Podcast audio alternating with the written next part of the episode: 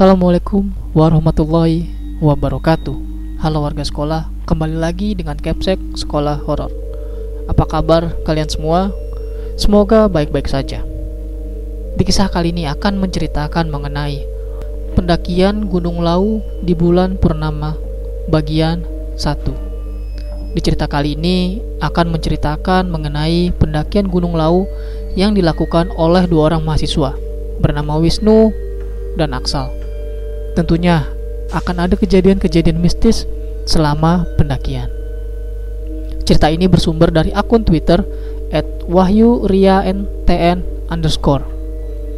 Sebelum kalian mendengarkan cerita ini, Capsek akan berterima kasih untuk like, share, dan komen kalian di video ini. Lanjut saja, saatnya kelas dimulai.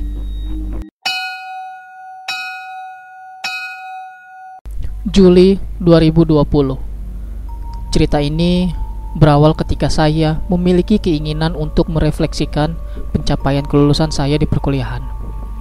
Karena saat itu masih masa pandemi dan baru saja ada kebijakan new normal dari pemerintah. Tentu saja belum banyak jalur pendakian gunung yang dibuka. Sempat bingung mencari jalur pendakian gunung mana yang dibuka hingga akhirnya saya mendapat kabar jika jalur pendakian Gunung Lau via Candi Cetok dibuka. Tak berpikir lama, saya pun memutuskan Gunung Lau via Candi Cetolah yang akan saya daki nanti. Oh iya, perkenalkan, nama saya Wahyu. Saya mahasiswa di salah satu kampus swasta di Semarang. Sebelumnya saya sudah pernah mendaki Gunung Lau via Candi Cetok bulan Agustus 2019. Bagi saya Gunung Lau adalah gunung yang menarik dan berkesan dan akan diceritakan di kemudian hari. Walaupun dalam hati keinginan saya sebenarnya ingin mendaki Gunung Sumbing via Bowongso atau Gunung Bismo, tapi pikirku di masa pandemi dan new normal seperti sekarang belum tahu kapan jalur pendakian gunung akan dibuka normal seperti biasanya. Tak lama setelah memutuskan Lau sebagai tujuan saya, saya pun mengajak kawan yang bernama Aksal sebagai kawan mendaki saya. Aksal adalah kawan saya yang sebelumnya sudah pernah mendaki bersama di Gunung Sindoro dan Gunung Merbabu. Hari H yang ditentukan tiba. Saya dan Aksal berangkat dari Semarang hari Jumat sore. Rencana kami akan transit dulu di Surakarta, mampir di kontrakan kawan saya di sana, dan berangkat menuju Candi Ceto Sabtu pagi selesai sholat subuh. Hari berganti dan azan subuh pun berkumandang. Tandanya hari yang kami tunggu pun tiba. Tak lama setelah sholat subuh, kami langsung packing ulang carrier, peralatan, dan logistik yang akan kami bawa. Jam menunjukkan pukul 5 lewat 30. Kami memulai perjalanan menuju Candi Cetok. Di tengah perjalanan, warung soto di pinggir jalan menggoda kami, seakan melambaikan tangan agar kami singgah sarapan sebentar di sana. Setelah menimbang kondisi pagi-pagi dan perut kami yang lapar, kami pun memutuskan untuk sarapan terlebih dahulu di sana. Selesai sarapan, kami melanjutkan perjalanan. Jam menunjukkan pukul 8 pagi. Kami sampai di base camp pendakian Candi Cetok. Sesampainya di sana, kami berdua dikagetkan dengan suasana base camp yang ternyata sangat ramai. Bahkan, nampak sekali pendaki antri untuk masuk ke loket pendaftaran. Setelah parkir motor, saya dan Aksal cek ulang perlengkapan dan mampir ke warung di sekitar base camp untuk membeli nasi bungkus sebagai bekal kami makan siang nanti di perjalanan. Sembari menunggu antrian pendaki berkurang, saya dan Aksal beristirahat sebentar. Tak terasa, jam menunjukkan pukul 9 lewat 30 dan kami memulai perjalanan menuju loket pendaftaran. Namun sialnya antrian pendaki masih banyak dan mengharuskan kami hanyut di dalam antrian itu. Hingga jam 10, saya selesai mengurusi maksi dan dilanjutkan dengan briefing dari petugas base camp. Briefing ini dilakukan untuk membekali pendaki dalam melakukan pendakian di masa pandemi sekarang. Pantangan dan protokol pencegahan COVID-19 pun tak luput disampaikan petugas kepada pendaki. Pukul 10.30, kami mulai pendakian setelah briefing selesai. Jalur dari base camp menuju pos 1 berada di samping Candi Cetok dan masih didominasi dengan perkebunan warga. Nantinya, pendaki juga akan melewati situs peninggalan sejarah lain selain Candi Cetok, yakni Candi Ketek. Kondisi medan masih cukup landai dan belum begitu menanjak di awal pendakian ini. Jarak dari pos 1 ke base camp pendakian kurang lebih satu jam perjalanan. Pukul 11.30, saya dan Aksal sampai di pos 1, Mbah Branti. Ditandai gubuk kecil tempat istirahat dengan banyak pendaki di sana. Tanpa istirahat, kami langsung melanjutkan perjalanan menuju pos 2. Setelah pos 1, jalur mulai memasuki kawasan hutan yang didominasi oleh pohon damar. Trek sedikit lebih menanjak dari sebelumnya. Hampir masuk jam 1 siang. Kami berdua tiba di pos 2 Brakseng. Kedatangan kami disambut banyaknya pendaki yang istirahat di sana. Kami berdua beristirahat sembari memakan roti yang kami beli sebelumnya. Kurang lebih 15 menit kami berdua beristirahat. Saya dan Aksal pun melanjutkan perjalanan menuju pos 3 dan akan break lama di sana.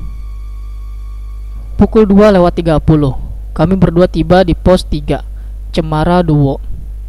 Ditandai dengan adanya mata air yang mengalir deras di sana. Tak membutuhkan waktu lama, kami berdua mencari tanah lapang dan membongkar carrier untuk beristirahat makan siang dan sholat di sana. Kami berdua menghabiskan waktu lama di pos 3 sebelum akhirnya pukul 3 lewat 45. Kami melanjutkan perjalanan menuju pos 4. Jarak dari pos 3 ke pos 4 kurang lebih ditempuh waktu sekitar satu setengah jam, tergantung dengan kecepatannya. Targetnya, kami bisa sampai di pos 4 sebelum gelap atau malam hari karena berdasarkan informasi yang saya terima pendaki dilarang camp atau bermalam di pos 4. Selain karena lokasi pos 4 yang sempit dan konon di pos 4 ini terkenal angker dan banyak beredar cerita mistis pendaki ketika bermalam atau melewati pos 4 saat malam hari. Setelah dari pos 3, jalur didominasi dengan tanjakan terjal dan pohon pinus hutan di kiri dan kanan. Senja datang, mengintip di antara pohon di belakang kami, menandakan jika sebentar lagi akan gelap. Tak lama, bebarengan dengan senja, kami berdua berhenti istirahat sembari menikmati senja yang datang. Tiba-tiba datang burung jalak hitam, atau masyarakat lokal sana menyebutnya jalak gading. Konon, jalak gading adalah jelmaan dari penunggu Gunung Lau. Jalak gading juga dipercayai sebagai penunjuk jalan bagi para pendaki Gunung Lau. Tiba-tiba Aksal berceloteh. Kata bapaknya temanku yang rumahnya dekat dengan Lau, kalau jalak itu datang, tandanya kita itu dijemput, diminta cepat melanjutkan perjalanan, Mas. Khawatirnya ada apa-apa. Tanpa pikir panjang, kami berdua melanjutkan perjalanan. Hingga saat ini situasi masih normal dan tidak terjadi apa-apa. Saat kami berjalan, Jalak gading itu masih ada dan lompat-lompat ke arah depan seakan-akan mengarahkan dan mengawal jalan kami berdua. Hingga tanpa pengetahuan kami, jalak itu pun menghilang. Selesai azan maghrib, kami masih belum juga sampai di pos 4. Dari sini, kejanggalan-kejanggalan mulai bermunculan. Dengan dibantu headlamp, kami melanjutkan perjalanan hingga suatu ketika saya merasa hal yang aneh di badan saya. Rasanya carrier dan badan saya berat sekali. Badan saya jadi mudah lelah dan sedikit-sedikit berhenti. Carrier saya terasa berat dari sebelumnya dan kaki saya berat ketika hendak melangkah. Baru berjalan beberapa langkah, saya berhenti. Jalan lagi beberapa langkah, berhenti lagi. Dan begitu seterusnya. Saya mencoba berpikir positif dari apa yang saya rasakan Hingga akhirnya saya bicara ke Aksal. Sal, perasaanku gak enak. Rasa-rasanya berat dan carrierku terasa berat timbang biasanya. Padahal gak ada tenda di carrierku. Tenda kan di carriermu. Ucapku pada Aksal. Ah, itu perasaanmu aja mas. Saut Aksal dari perkataan saya. Kami tetap melanjutkan perjalanan dengan saya yang tetap dengan keadaan berat. Lama-lama, kepala saya mulai pusing. Jalan saya pelan sekali, karena memang Langkah terasa berat dan ditambah pusing di kepala. Sehingga membuat saya tambah sering berhenti di jalur pendakian. Aksal yang melihat saya pun bingung. Karena dia tahu tak biasanya saya seperti ini. Tapi Aksal terus menyemangati. Perasaan saya semakin lama semakin ada yang aneh. Gak biasanya badan saya seperti ini. Saya tahu persis bagaimana tenaga dan stamina yang saya punya. Begitu pikirku dalam hati. Tiba-tiba saya ingat dengan video vlogger di YouTube yang pernah saya tonton ketika mistisan jalur pos 4. Ya Tuhan, pikiran saya semakin menjadi-jadi. Tapi saya tetap berusaha, berpikir positif, dan mulai berdoa dan bersolawat di sepanjang jalur perjalanan. Sampai suatu ketika, tiba-tiba saya mencium bau harum di jalur pendakian. Sontak saya berhenti dan mencari dari mana asal bau itu berada. Tapi ketika saya cek dan memperhatikan di sekitar, tidak ada apa pun. Sementara jarak saya dan Aksal dengan rombongan pendaki cukup jauh. Bau harum apa ini? Tanyaku dalam hati. Tidak saya hiraukan. Begitu lama kami berdua tetap berjalan. Dan bau harum itu datang, tidak hanya sekali. Entah Aksal juga mencium baunya atau tidak, tapi saya tetap berjalan hingga akhirnya terdengar dari kejauhan suara ramai pendaki. Ternyata di atas adalah pos 4. Di sana kami berdua beristirahat sebentar setelah susah payah berjalan dari pos 3. Saya tetap berdoa dan bersolawat agar badan saya kembali pulih dan normal kembali. Jam menunjukkan pukul 6 lewat 30 malam. Saya dan Aksal mulai melanjutkan perjalanan menuju pos 5 Bulak Peperangan. Di atas, dari balik pepohonan tampak bulatan cahaya yang sangat terang. Aksal sempat mengira itu cahaya lampu dari pendaki.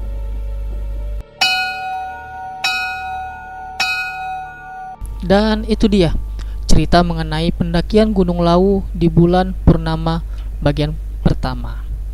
Kira-kira cahaya apa yang dilihat oleh Aksal dari atas pegunungan? Semuanya akan terjawab di video yang nanti akan Capsek bacakan.